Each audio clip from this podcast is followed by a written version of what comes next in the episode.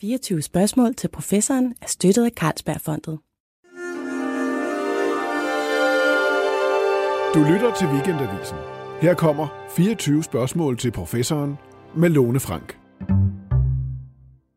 I november der var det spanske kongepar i Danmark for at se på en bog. Ja, okay, de var her på officielt besøg, og de skulle se alt muligt. Men de havde specielt bedt om at komme på Københavns Universitets Arne Magnianske samling, hvor man opbevarer gamle håndskrifter. Fordi her, blandt tusinder af bind, der ligger der faktisk et 400 år gammelt spansk håndskrift. En 15 cm tyk mobbedreng af en bog, som først blev identificeret for relativt nylig.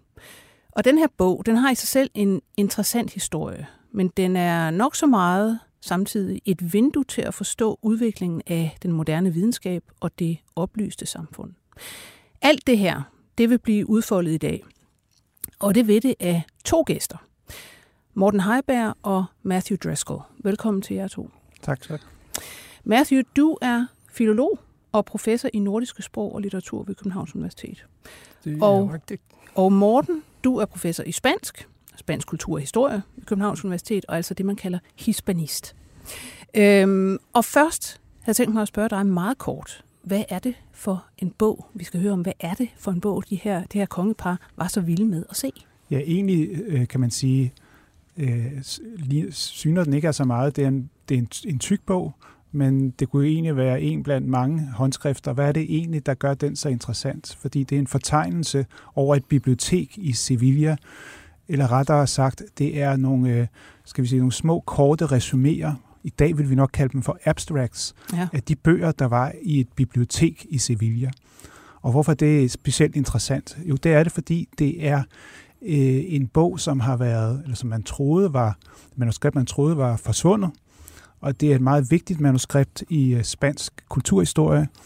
Det er, skal vi sige, et katalog faktisk, kan vi godt kalde det, en fortegnelse fra, skal vi sige, verdens måske første moderne bibliotek, forstået på den måde et bibliotek, hvor man sådan organiserede den viden, som biblioteket indeholdt, efter sådan moderne principper, de principper, som du og jeg og Matthew og alle andre kender fra vores daglige biblioteksbesøg. Og så var det jo også, den er også interessant, fordi det var ikke et kommunebibliotek et sted i Spanien. Det var et bibliotek samlet af en meget særlig person. Ja, af, af søfaren Columbus' uægte søn, Mm. som hed Hernán Colón, øh, og øh, Colón øh, betyder Columbus på spansk, og Colons, øh, skal vi sige, i modsætning til faren, som gerne vil ud og opdage verden, så mente Colon, at øh, man kunne opdage, eller måske samle al, den verden, al viden i verden i et bibliotek. Det var i hvert fald hans ambition, at man kunne samle alle bøger uden for kristendommen, inden for kristendommen, som han sagde, øh, i et bibliotek. Altså samle al viden, og så kondensere den viden i små abstracts. Og Altså, det er altså den bog ja. med abstracts, vi har i København. Så ideen bag bogen, det var sådan set at samle al viden i et eller flere bind.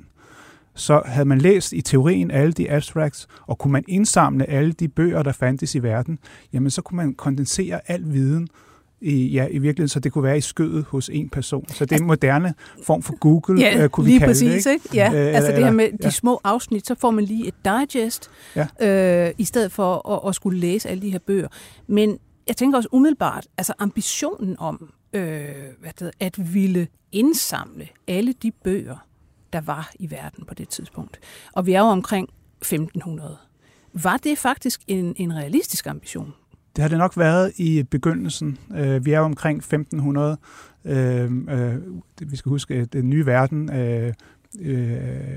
Amerika blev opdaget i 1492, og Columbus, den ældre, hvis vi kalder ham det, han dør i 1506, og i tiden derefter, der kan vi sige, der er det måske stadig muligt at, at indsamle og, og købe bøger overalt i verden, og i hvert fald sådan tilnærmelsesvist tilegne sig øh, den mængde af bøger, der er. Når vi kommer hen imod tidspunktet for øh, Colon, altså øh, Columbus' søns øh, død i øh, slutningen af 1530'erne, jamen så er det projekt nok ikke længere realistisk. Men ved vi noget om, hvordan han får den her idé? Altså, hvordan i alverden får han den idé? Er han sådan fuldstændig vildt bibliofil? Han må bare eje disse bøger, eller Hvad sker der? Ja, altså han er øh, bibliofil øh, helt ind til, til knoglemagen. Øh, det kan der ikke herske nogen tvivl om. Men jeg tror, vi skal prøve at, at forstå projektet, så er vi nødt til at prøve at forstå den tid, som projektet ligesom er et, øh, et produkt af. Mm. At øh, man har opdaget Amerika, Columbus hævdede til sin dødsdag, at det var søvejen til Indien, han havde fundet, øh, og ikke øh, Amerika. Der var, var der muligvis også nogle politiske grunde til, at han hævdede. Men vi er i en, i en brydningstid, hvor verden, kan man sige, bliver moderne, hvor opdagelserne, det er jo det, som mange øh, øh, videnskabshistorikere også har, har, har, har holdt fast i, ikke? hvor opdagelserne fører til en øh, ny øh, virkelighedsforståelse, en, også en forståelse af videnskabens betydning. Altså det, at man ved at observere noget grundlæggende kan ændre vores opfattelse af, opfattelse af, hvordan verden er skruet sammen. Tænk på, at på det her tidspunkt i historien, der består verden for øh, den almindelige befolkning af tre kontinenter. Asien, Europa og Afrika.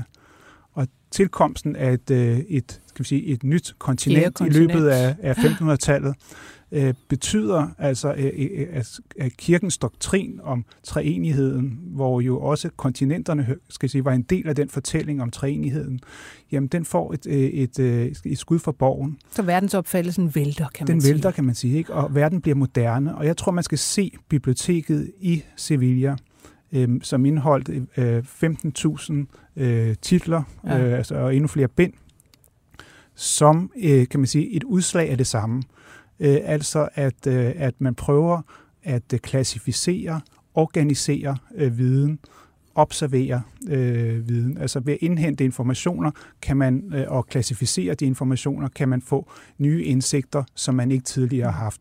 Så på den måde, så kan man sige, øh, er der egentlig en naturlig øh, lige linje fra faren Columbus den ældres øh, opdagelse nye af verden, den nye verden, ja. og så til det projekt, som øh, Colon øh, gennemfører, eller forsøger at gennemføre i første del af 1500-tallet. Ja. Godt. Så synes jeg, vi skal, øh, vi skal høre noget om, altså, hvordan i alverden øh, man finder ud af, at denne her bog, øh, den ligger i Danmark. Fordi man har jo herhjemme ved Københavns Universitet den her Arne Manuanske samling, som er en stor håndskriftsamling, doneret i sin tid i 1700-tallet af Agni Magnusson, en islandsk filolog, forsker på det tidspunkt. Øh, og her ligger nogle tusind håndskrifter. Mest islandske, norske, svenske. Men så ligger der også, også lidt forskelligt andet. Øh, og så er det sådan, at der øh, i 2018 eller 19 bliver opdaget, at jamen, et af de her spanske bind, det er altså dette her Livro de los Epitomes. Hvordan sker det, Matthew Driscoll? Uh, vi vidste godt, at vi havde det i samlingen, mm. men vi vidste ikke rigtigt, hvad det var, hvad det var for noget, fordi det står ikke noget om Hernando Colon. Men jeg begyndte, eller vi flere har også begyndt at undersøge det, og det viste sig, at det var sandsynligvis øh, øh, den den tabte bog er Og det, det vil sige, det er, altså, det er en bog, man ude i verden øh, har vidst, den, den må eksistere, ja, ja. for man vidste, at han havde lavet den her ja, katalogisering. Ja, ja. Når man så finder det her og identificerer det i Danmark, hvad er så reaktionerne internationalt på det? Altså er det en stor opdagelse? Det var det, øh, og det var, øh, det var artikler i øh, tusindvis af aviser, blandt andet Weekendavisen, Uh, men, naturligvis, uh, det var, naturligvis. selvfølgelig.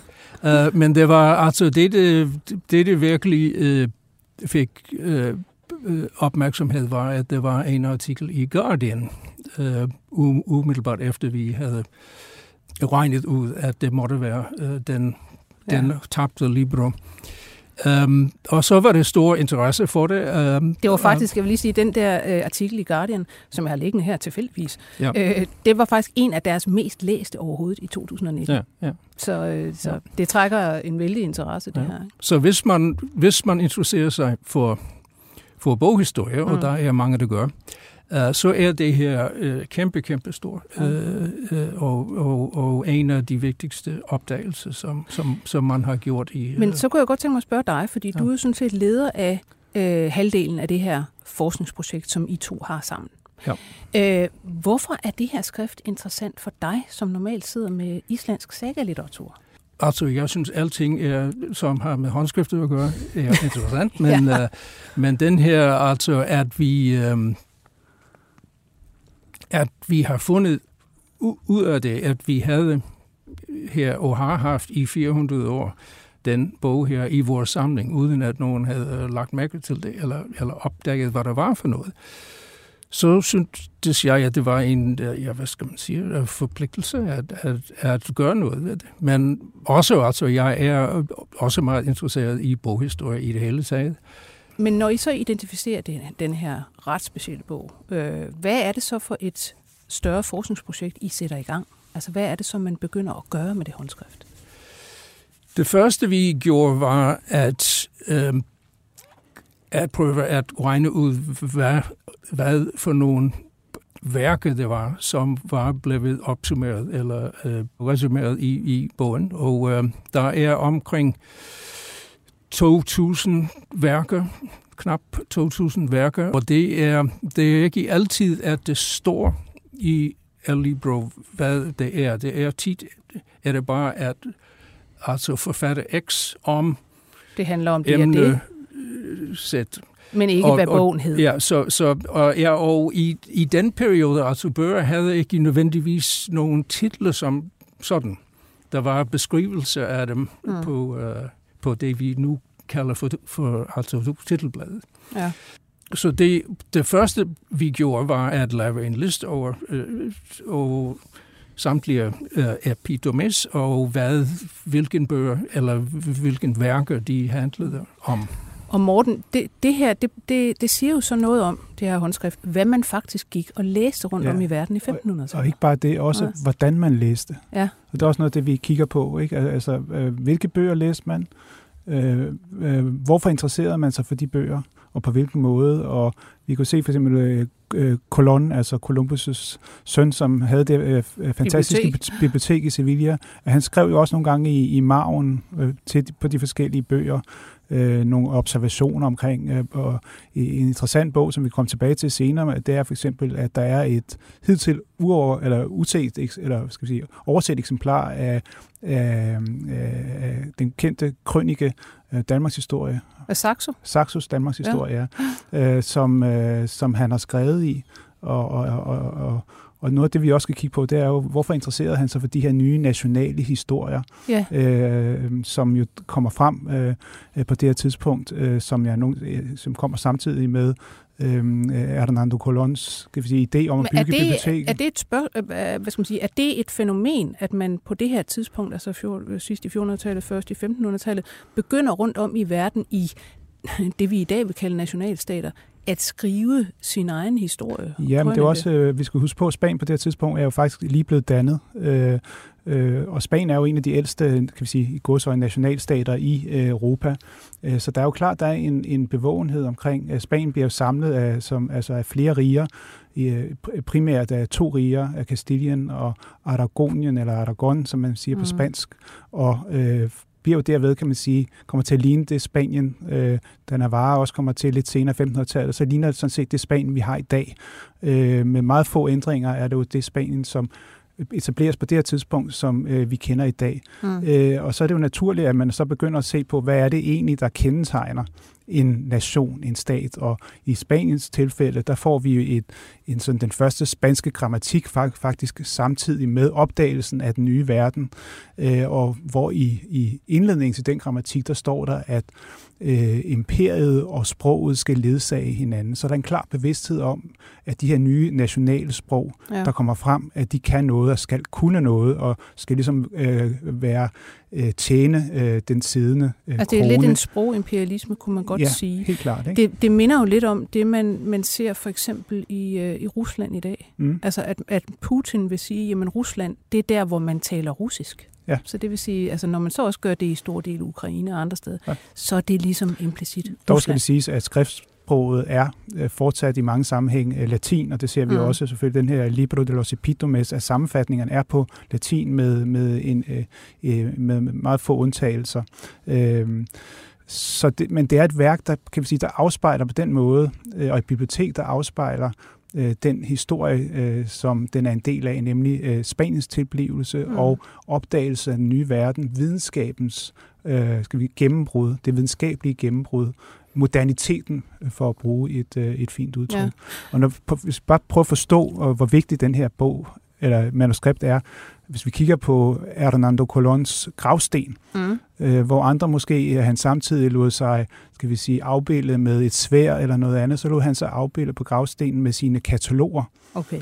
Øh, så, så det er altså en person, som i den grad går op i det, vi vil kalde for den moderne biblioteksvidenskab. Ja. Og øh, han bliver afbildet med fire kataloger, eller hovedkataloger. Han har også andre indgange i, i, til sin samling. Og en af de fire kataloger, det er El Libro de los Epitomes, mm. som ligger over hos uh, Matthew på, ja. på, på hans samling. Så det er bare for at forklare, hvor vigtig den bog er. Så det er altså en af de fire kataloger, der er afbildet på Hernando Colons gravsten. Og som man altså og som har været forsvundet. Ikke? Ja. Øh, og, og en af grundene til, den har været svær at identificere, det er, at de første sider i bogen mangler. Så der står ikke, hvad det handler om. Så man skal sådan set, så vi har kun øh, resumerende, øh, og så har man på den, øh, via resumerende, kunne genskabe, at det her, og så også ved at be, efter besøg i Sevilla, har man kunne, mm. så bekræfte, at det er den bog, der mangler. Fordi vi har en klade i Sevilla til noget af det. Ja. Så ved at sammenholde kladen og den, øh, det eksemplar, vi har i København, jamen så har vi overblik over måske 2-2.500 ja. øh, øh, resuméer. Men vi skal huske på, at samlingen har jo været over 15.000 titler. Så han kom jo ikke ret langt med sit projekt. Der Nej. kan godt have været andre øh, epitomes eller, eller resuméer, som vi ikke kender til, men der er jo meget langt. Og vi skulle på, at han havde en her af ansatte, som blev kaldt for sumistas, som bare sad og læste og skrev resuméer. Øh, øh, for, ja, fordi han kunne selvfølgelig kolon. ikke selv læse Nej, han kunne ikke gabe over alt det der. Nej. Altså han fik jo også sendt ja. rundt omkring det var så fra, fordelen ved, folk, der købte ind. Ikke? Ved at have en rig arv og, og have ja. penge, det var, at man ja. kunne ansætte folk til at gøre det, det hårde arbejde. Ja. Øh, men øh, stadigvæk med de ressourcer, øh, som han havde til rådighed, var det ikke muligt øh, at komme længere end de to 2.500 øh, resuméer, som vi direkte eller indirekte har kendskab til. Men, men lad os lige tage øh, det, han så samlede ind. Siger han, han samler de her 15.000 bind ind. Det er jo dog noget. Og det er en stor del af, hvad man faktisk øh, hvad skal man sige, havde på det tidspunkt af bøger rundt om. Men, men hvilken type skrifter er det? Altså er det kun sådan velaværdige, indbundne bøger, eller er det også sådan småtterier? Han købte øh, eller samlede alt alt fra flotte udgaver af klassiske forfattere til uh, altså skillingstruk og uh, okay. folkebøger og ja. det og datten. Så det var, og de er alle sammen også, altså der er nogle bøger, som, hvor vi har, um, hvor vi har uh, resuméer, bøger, som var, som vi kan se, var kun 8 eller 16 sider, og som ikke findes mere. Mm-hmm. Så vi har ikke så mange, som vi gerne ville ønske, men vi, vi har nogle altså, øhm, øh, resuméer af bøger, som ikke findes mere. Er der, er der nogen, altså for dig som hispanist, da du får øh, indblik i det her og kan læse også, hvad var der af bøger på det tidspunkt, og hvad, øh, hvad blev der skrevet af, af, af resuméer her, er der, er der interessante ting, der er kommet frem i resuméerne? Altså andre tabte bøger eller spanske forfattere, man ikke kender i dag, eller noget af den retning? Ikke udover det, som Matthew nævner, at der er enkelte, altså vi havde nok håbet lidt i vores stille sind, mm. at, at det var sådan en, en guldskat, når vi åbnede den, så ville der stå omtale en masse bøger, som man ikke længere kendte til. Det er så ikke tilfældet. Det er, som Matthew siger, meget, meget indsnævret, hvad der er. Men det, der er fascinerende, det er jo, altså, som jeg nævnte før, hvordan bogen er med til at skal vi sige, eller viser den brydningstid, man lever i. Man havde en ambition om at samle alle bøger, og så det her, som bliver tilføjet inden for og uden for kristendommen. Men vi er jo faktisk i en tid, hvor, kan man sige, øh, hvor kirken jo har sådan en inkvisatorisk tilgang øh, til mange ting. Der er censur øh, på mange områder. Ikke? Men der ser vi så en, en videnskabelig udvikling, hvor man gerne vil kortlægge alt, uagtet øh, hvilken herkomst det har. Øh, Men jeg synes lige, vi skal, for, for at vi kan komme ind på det her og, ja. og, og forstå det, så øh, simpelthen lad os høre, hvad, hvad er det for et, et Spanien, vi har på det her tidspunkt? Hvad er det for et, øh, et samfund? Øh, det er jo, hvad skal man sige, øh, det første sådan store europæiske imperium, ikke? efter ja. at man, man indtager, om jeg så må sige, øh, Amerika. Øh, og, og hvad det hedder, det er jo vældig, vældig katolsk. Altså dronningen på, på det ja. her tidspunkt, uh, Isabel, der, der sender Columbus afsted, kalder sig vel også Isabel la Cattolica. Ja. Og, og, og, og der var altså virkelig, øh, som du siger, inkvisitionen, den spanske inkvisition. Hvad er det også for et fænomen? Ja. Altså, hvad er det for et religiøst samfund, vi har? Jamen, men det er jo, kan man sige, et, et samfund, som er præget af, skal vi sige, selvmodsigelse, vil nogen sige. Man kan også sige, det, at man ligesom øh, prøver at afsøge grænserne for forskellige former for indsigter, men øh, en, øh, en, en måde, hvorpå Columbus faktisk øh, lykkedes med at øh, eller, eller få tilladelse til at, øh, med sit, at, at tage på sit tog til, til, til det han troede var Indien. Det, det han troede var Indien eller Asien, ikke? det er jo netop ved også at love at øh, dem han møder på vejen, at de skal omvendes øh, til den øh, katolske tro. Så øh, erobringen af den nye verden er også en, skal vi sige, en mission om at omvende øh, nye befolkninger øh, til øh, kristendommen, fordi man jo troede, at, øh, at øh, skal vi sige, at øh, himmerigs komme afhæng af, at, at hele jordens befolkning var blevet kristne. Så der er også en kristen mission, ja. øh, som er en del af øh, projektet. Ikke? Men så har vi samtidig de her, sådan den her øh, videns, det videnskabelige nybrud, så kaldte det, det måske lidt at, at, at, at trække lidt hårdt op, men moderniteten, der presser sig på. Ja. Og vi har masser af, af eksempler på, at øh, at, øh, at, at øh, Vatikanet eller, eller, eller pavestaten øh, er bekymret over udviklingen i øh, Spanien, at der øh, over de bøger, for eksempel arabisk herkomst, som måtte mm. omtale, øh, skal vi sige, altså en koran eller hvad det måtte være, ikke? at den type bøger findes og ligger mm. offentligt fremme. Ja. Så der er masser, kan vi sige, af modsatrettede strømninger i det spanske samfund, i intellektuelle kredse også, som forsøger at, ligesom at undertrykke den, kan vi sige, den videnskabelige, objektive øh, udvikling og beskrivelse. Så vi har de her, øh, kan vi sige, modsatrettet, modsatrettet ikke? og samtidig med det er Spanien jo også ved at udvikle sig til et imperium. Øh, Karl den første af Spanien, som vi på vores breddegrader kender som Karl den femte, mm. øh, altså tysk-romersk kejser, ja. øh, øh, har jo store besiddelser i Europa øh, øh, konge af Spanien. Og, og Holland. Og, og, ja, øh, områder og, ja. Og, og, og har jo så også de nye besiddelser i, øh, i, den, øh, i den nye verden, som vokser ja. sig større og større op gennem 1500-tallet. Vi får i stigende grad, når vi kommer længere frem i 1500-tallet, får vi en masse sølv og guld, der kommer fra, øh, skal vi sige, fra, fra den nye verden, og som er med til at også øh, fuldstændig ændre økonomien i, øh, ja, globalt set. Ja. Øh, så det er en spændende brydningstid, men det er en brydningstid, hvor kan sige, at, at Spanien ligesom går på to ben. Der er et, øh, et, et katolsk projekt, et, øh, et, et, et forsøg på ligesom at, at kristliggøre store dele af verden, og samtidig så er der også et videnskabeligt nybrud, som ikke rigtig, kan man sige, kan forenes. Og i alt det, så har vi jo også, øh, skal vi sige, bliver meget af grundlaget for moderne, sådan humanistisk tænkning jo lagt i Spanien på det her tidspunkt. Det er jo ret interessant, at du ja. siger det. Altså humanistisk tankegang. Ikke? Og vi, vi tænker straks på Rousseau, og vi tænker på menneskerettigheder og den slags. Og så har man det her i baghovedet med den spanske inkvisition og øh, når vi også tænker conquistadores, altså dem, der tog, øh, hvad det hedder, Hernán Cortés og andre, der tog til den nye verden, og altså underlagde sig den med ret hård hånd, så tænker man ikke på humanisme. Nej. Så, så hvordan kommer den her humanisme frem? Jamen, den kommer jo sådan set øh, frem som et produkt af øh, opdagelserne i Amerika.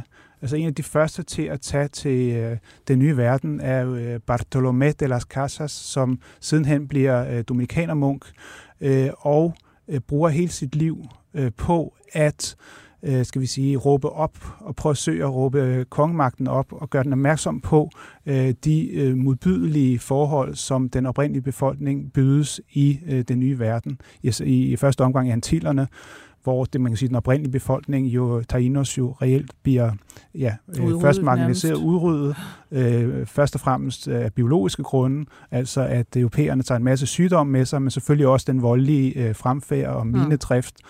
som breder sig over øh, så senere til, ja. til Mexico og, og til Peru, øh, det nuværende øh, Peru. Så det er jo, kan man sige, paradoks. Men det vi ser i Spanien, det er jo, at der kommer en humanisme frem. Nogle debatter, som ligger skal vi sige, grundlaget for den moderne rettighedstænkning eller menneskerettighedstænkning. Altså, at, øh, at hvilke rettigheder har erobreren, hvilke rettigheder har den oprindelige befolkning. Øh, Hvordan hvor... diskuterer man for øvrigt det her med, jeg tænker, den, den oprindelige befolkning, altså begynder man simpelthen at diskutere, jamen har vi øh, hvad skal man sige, vilde mennesker, som ikke er kristne endnu, har de, kan, skal de have samme rettigheder? Kan de have samme rettigheder som kristne? Eller opnår de det først, når de bliver kristne? Eller hvordan foregår sådan nogle diskussioner? De foregår ved hoffet. Mm. Der er nogle berømte øh, debatter fra Valladolid, øh, som nogen måske kender som en by i, i, i Spanien. Øh, nogle berømte debatter, eller disputter kalder man det, mellem blandt andet Bartolomé de las Casas og en, og en anden øh, gejstlig, øh, som har det modsatte synspunkt. Mm. Øh, og det er gennem de debatter, at der bliver formuleret et synspunkt om, at øh, de indfødte har samme rettigheder egentlig som, øh, ja, som den udsendte spanske befolkning. Øh, men vi ved ikke præcis, hvad kongen mente, fordi kongen var fanget øh, mellem øh, skal vi sige, modsatrettede hensyn. Mm. Han, ville gerne, han kunne godt grundlæggende forstå Bartolomé de las Casas synspunkt om, at, øh, at alle mennesker er født lige. Øh, men øh, og han brød sig ikke om den slaveliggørelse, der, mm. der fandt sted i øh, den nye verden. Men han var samtidig opmærksom på, at øh, al hans øh, udenrigspolitik afhang af, afhang af, at han kunne få indtægter Mm. Og når vi kommer længere frem i 1500-tallet, så bliver indtægter fra sølv og guld så vigtige for ham, at man reelt lukker øjnene for det, der foregår. Ja. Så selvom man indfører nogle love, som forbyder den der meget modbydelige form for, for, for slavedrift, jamen så laver man andre bestemmelser, som reelt gør, at man kan køre videre med det system, der mm. er. Ja. Så, øh, så på trods af de såkaldte Burgos-love, som skal hjælpe, afhjælpe problemet, jamen så gør man med andre bestemmelser i virkeligheden det modsatte. Mm. Men det, der er vigtigt at påpege, det er, at der er en grundlæggende diskussion, som når helt ind i hjertet mm. af det, øh, det spanske kongedømme, om menneskers rettigheder, basale rettigheder. Og det er den menneskerettighedstænkning, som vi faktisk bygger videre på i dag, selvom selvfølgelig den, den har rødder tilbage i antikken, ja. men den har en konkret, den får en konkret form, den debat, i 1500-tallet på grund af den udbytning, der foregår øh, øh, i Amerika. Og så ser vi så senere en, en øh, hvad skal man sige, en, sådan en blomstring omkring den franske revolution Præcis. og så videre. Jeg kommer til at tænke på, Matthew, øh, det her håndskrift, at det er i øh, hvad det hedder, en samling, der oprindeligt er samlet af en gammel islandsk lært. Ved vi, hvordan den her livro, den er kommet til Danmark overhovedet?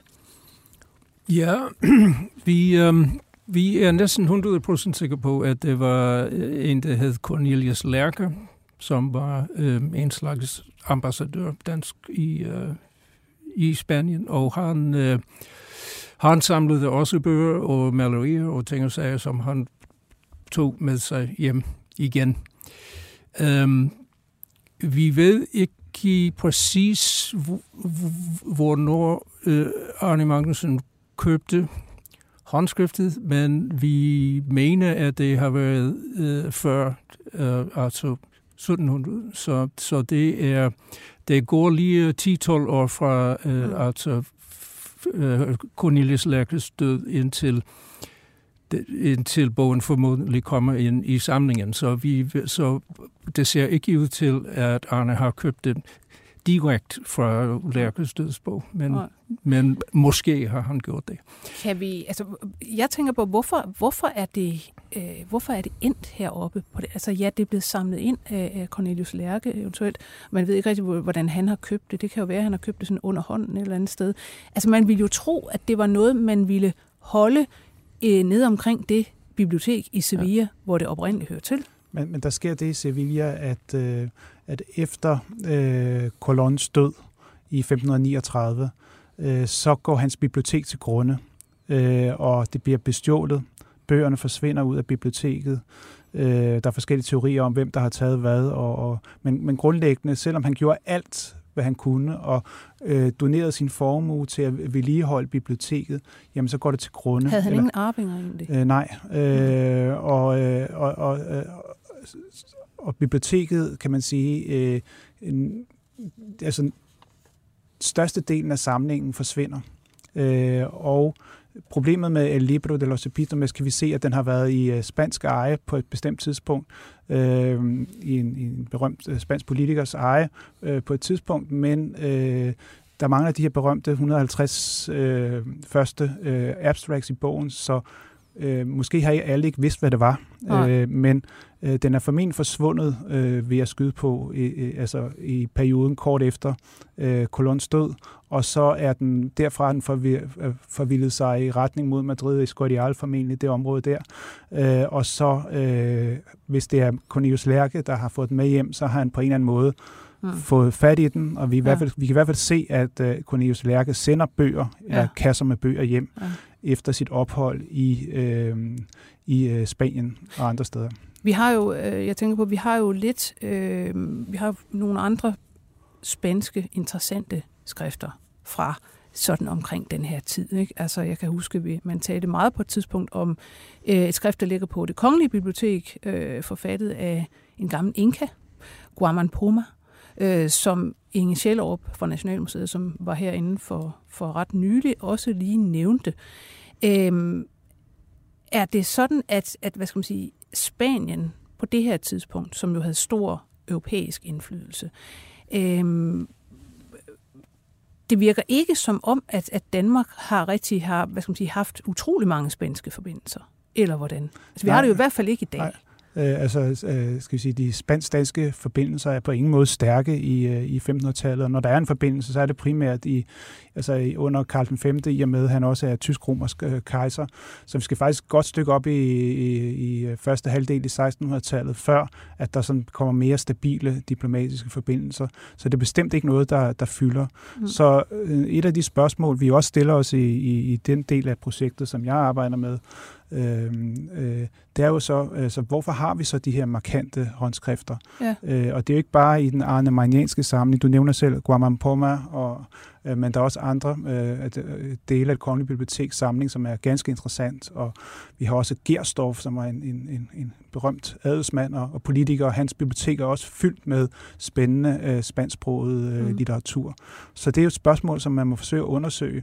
Men jeg tror ikke, det har, skal ses som et udtryk for særlig stærke dansk-spanske forbindelser, men mere, at der er noget ved Spanien, som er interessant ud fra et professionelt perspektiv, et diplomatisk perspektiv. Det kan være noget omkring øh, øh, altså statsretligt, hvordan indretter man et imperium, men, det, øh, men af forskellige grunde, så er spanske skrifter, også fordi Spanien jo har en status, skal vi huske mm, på. Ikke? Ja. Øh, altså når vi øh, Spaniens nedgang i, som stormagt, ikke? den starter i, i 1600-tallet, skal vi diskutere hvornår. Ja. Øh, men øh, det var jo, kan vi sige, øh, det, det, det store imperium, den store magt, øh, og et land, man på mange måder jo, om ikke så op til, men i hvert fald havde respekt for. Så hvad der kom derfra, var, skal vi sige, interessant for danske lærte, for danske retslærte øh, og så videre. Ikke? Og det er jo også verdens første og største roman. Øh, Cervantes øh, Don Quixote ja. er jo også for den her periode lige før måske nedgangen for alvor begynder ja. i, i Spanien. Så det er jo, et, kan man sige, et land med en imponerende litterær tradition. Vi nævnte også før øh, hele debatten om menneskerettighedstænkning, humanismens fremkomst i Spanien, mm. side om side med inkvisitionen. Ikke? Men det har vi jo glemt, og så bliver Spanien jo ramt af det, som man kalder for den sorte legende, mm. øh, som jo er både altså italiensk, italieneren, som ikke bryder sig om det spanske overherredømme i store dele af Italien, men også i England, øh, øh, den spanske Amatas nederlag og så videre. Ja, der bliver dannet en fortælling om, til vejret, var om, det om Philip den anden, altså Karl den 5. Mm. søn, som en sydens djævel, ja. øh, en, øh, en antireformatorisk øh, djævel. Øh, og det her billede af spanierne som særlige, øh, skal vi sige, voldelige, ja. øh, undertrykkende øh, og primitive og dogne, de bliver dannet i den her periode, men det er vigtigt altså 1600-tallet 1600 og frem efter. Ikke? Men det er vigtigt at have for øje, at det er Spaniens fjender, der laver den beskrivelse. Men den hænger ved den dag i dag. Altså mange beskrivelser af Spanien som øh, primitive, som uoplyste osv. Mm. Det stammer faktisk fra den her periode. Ja, men det er Spanien, jo fordi, at, at, at, de er så dominerende. sejrherrene ja. jo altid skriver historien. Præcis, man kan fordi sige, når vi kommer frem i 1600-tallet, så er det jo Frankrig mm. og England, der er de nye, eller, ja. der er de nye øh, store magter, mm. og det betaler Spanien en pris for. Mm. Men det, der er interessant, jeg synes, at gør Spanien særlig interessant, det er ligesom, at hele den der spænding eller friktion mellem det traditionelle og det moderne. Det er der, vi ser den først, ja. øh, hvor det her slag udspiller sig, kan man sige, mellem videnskab, humanisme på den ene side, og så øh, mørke og, ja. og inkvisition på den anden. Jeg synes, det er sjovt, ja. når du siger det her med, med hvad det hedder, øh, ryget for netop at være meget øh, mørk og formørket måske. Ikke? Altså når man som ganske almindelig nutidig øh, turist tager rundt i Sydeuropa, ikke? Så, så lægger jeg i hvert fald mærke til os, altså når man kommer ind i spanske kirker, ser øh, kirkekunsten øh, i forhold til, lad os sige, den italienske, ikke? Så virker det også meget mere sådan alvorligt tynget, hvor altså italiensk øh, hvad det hedder, øh, kirkekunst, altså, det er sådan nogle med, med, med buttede engle og sådan noget. Ikke? Altså, der er, og der er lidt lyserødt over det, og lidt altså sådan pastelfarver. Ikke? Det er sådan lidt hyggeligt. Øh, men det spanske, det, det er også sådan, ligesom når man tænker El Greco, ikke? Det, det, er virkelig, mm. det er virkelig, virkelig hardcore og meget mørkt. Ikke? Altså, der er vel også et eller andet i den der nationalkarakter, som, som som er meget sådan, hvad skal vi sige, altså umundret. Eller hvordan vil du se det? Ja, eller der er ikke, altså, den er doktrinær, ja. øh, kan man sige. Ikke? Ja. Øh, men vi skal også huske på, nu nævner du Italien, men store del af Italien var faktisk under spansk øh, herredømme, ikke? og tager du på Sicilien, kan du finde masser af eksempler på, hvordan spansk arkitektur og barok øh, arkitektur har mm. også slået igennem øh, på, på de kanter. Ja. Øh, men det er rigtigt, at, at der er en, kan man sige, sådan en formørket fortælling, som jo også bliver, bliver forstærket af øh, mødet med det modsatte. Mm. Øh, så det, øh, og det er jo, i, hvis vi skal trække den helt op til i dag, så er det jo sådan, så snakker man jo i dag om las dos Españas. Altså, mm. det er noget, jeg underholder mine studerende med. Altså, de to Spanien. Ja. Altså, der er et øh, i Spaniens historie et katolsk, konservativt Spanien over for et liberalt og progressivt øh, Spanien. Øh, det er sådan en grundtanke, der bliver formuleret tilbage i 1800-tallet, mm. for ligesom at forklare de grundlæggende strømninger, som senere hen i det 20. århundrede fører til den spanske borgerkrig ja. og så videre. Mm. Men man kan godt altså, trække linjer lidt hårdt op og sige, at når vi så ser tilbage til Spaniens fødsel som nation omkring øh, 1500, øh, jamen så ser vi også øh, de strømninger, ja. øh, modsatrettede strømninger. Selvfølgelig kan man ikke sammenligne 1800-tallet med 1500-tallet, men, men vi ser nogle, øh, altså, noget, øh, nogen, der ligesom øh, arbejder for moderniteten, og nogen, der arbejder imod den. Ja. Øh, men egentlig kan man sige, øh, er projektet, jeg vil ikke sige, det er selvmodsigende, ikke, men det er en, det er en proces, øh, som Spanien gennemlever, som jo også er genkendelig fra andre europæiske lande, men den forstærkes også af øh, kan man sige, øh, udenlandske øh, udlændingens forsøg på ligesom at karakterisere Spanien som værende noget særligt, og, mm. og især noget særligt primitivt.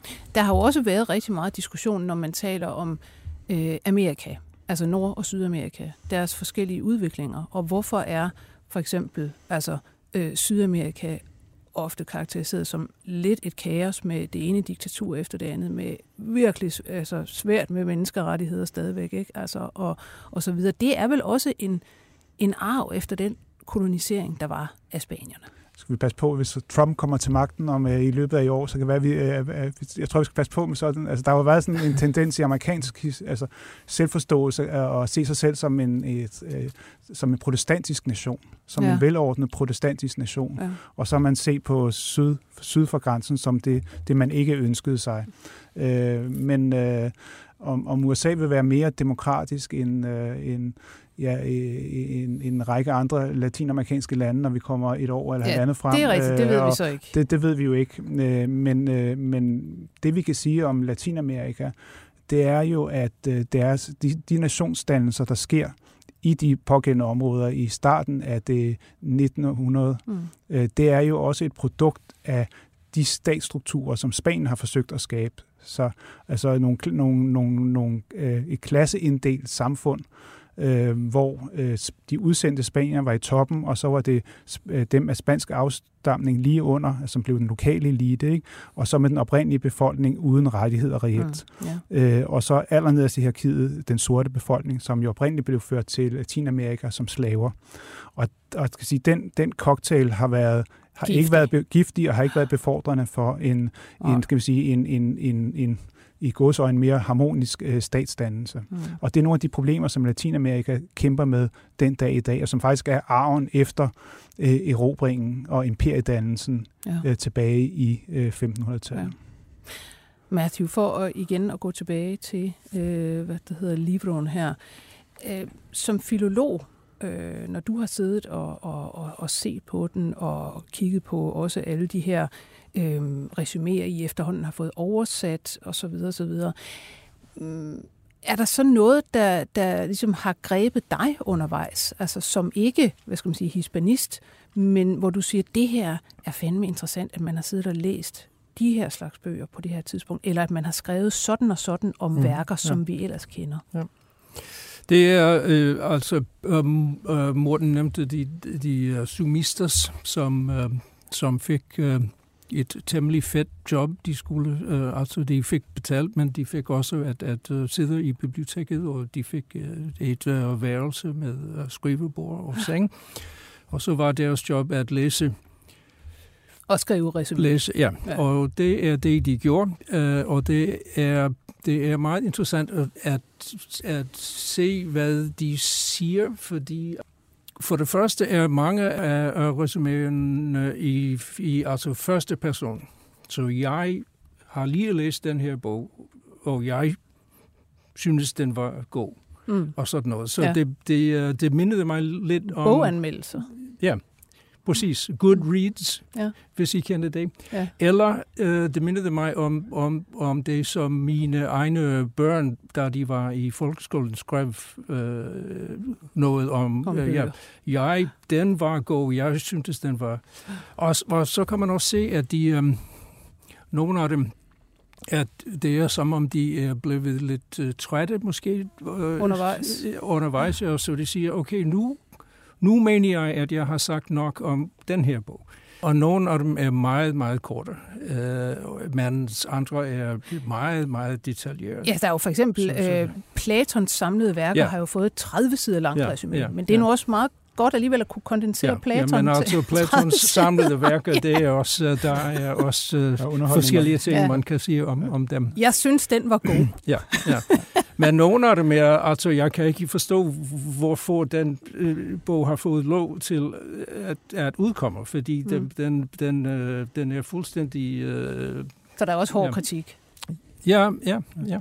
Og, og noget, noget, som også bliver nævnt af, af en, som, skal man sige, den, som var den daglige leder af biblioteket, som er sådan en spøjs detalje, det er, at, at hvis man læser de her resuméer, så kan man undgå at købe bøger, som er udgivet, som i virkeligheden er gamle bøger, men som er udgivet med en ny titel. Uh. Så derfor skriver han, øh, altså starter mange af de her Petermes med, øh, med at skrive hele titlen ud, øh, og så fortælle, hvad den handler om. Men det er også en advarsel til, øh, eller imod øh, dem, der trykker gamle bøger, øh, som nye bøger, blot ved at udskifte titlen. Mm. Og der siger han, det kan man øh, altså simpelthen undgå ved at uh, læse de her uh, epitomes eller resuméer. Så det er også også en, et, altså, en lavpraktisk advarsel mod uh, det fup, der foregår rundt mm. omkring på bogmarkederne i Europa. Ja. Her til allersidst kunne jeg godt tænke mig at spørge jer. Uh, I mødte jo begge to det spanske kongepar, da, da de var heroppe.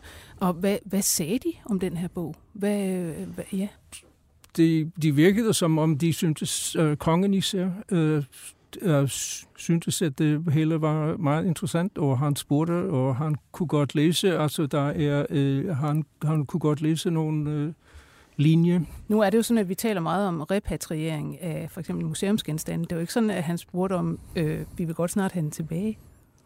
Øhm, nej, men du er ikke den eneste, som har, som, som har spurgt mig om det.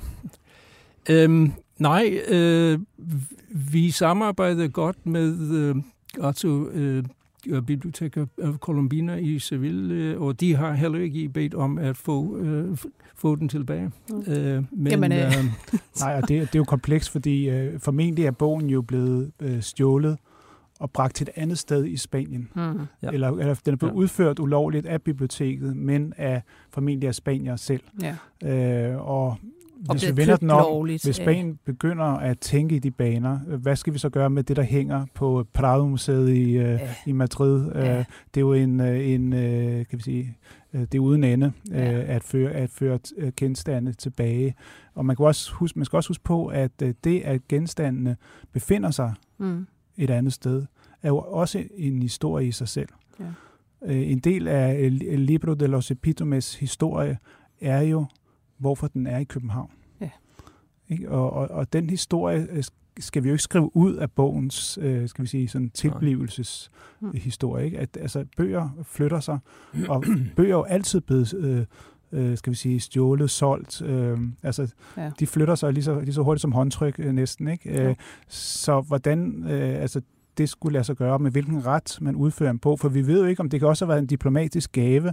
Øh, I så fald øh, kan man gøre krav på noget, man frivilligt har udleveret. Mm. Øh, vi har så andre vidnesbyrd om, at der var dele af eller nogen ved, ved, ved hoffet i, i, i Danmark. Vi skal nok komme tilbage til øh, måske en anden podcast, hvem det var, men som havde lidt, øh, lidt lange fingre og, og godt kunne rave til sig af, af bøger i blandt andet Spanien.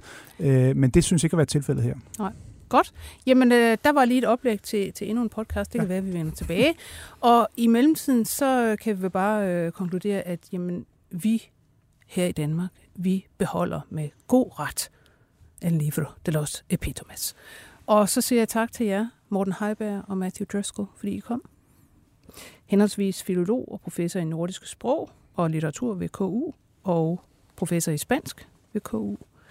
Jeg skal sige, at vi i dag var produceret af Birgit Nissen. Jeg hedder Lone Frank. På genhør. 24 spørgsmål til professoren er støttet af Carlsbergfondet.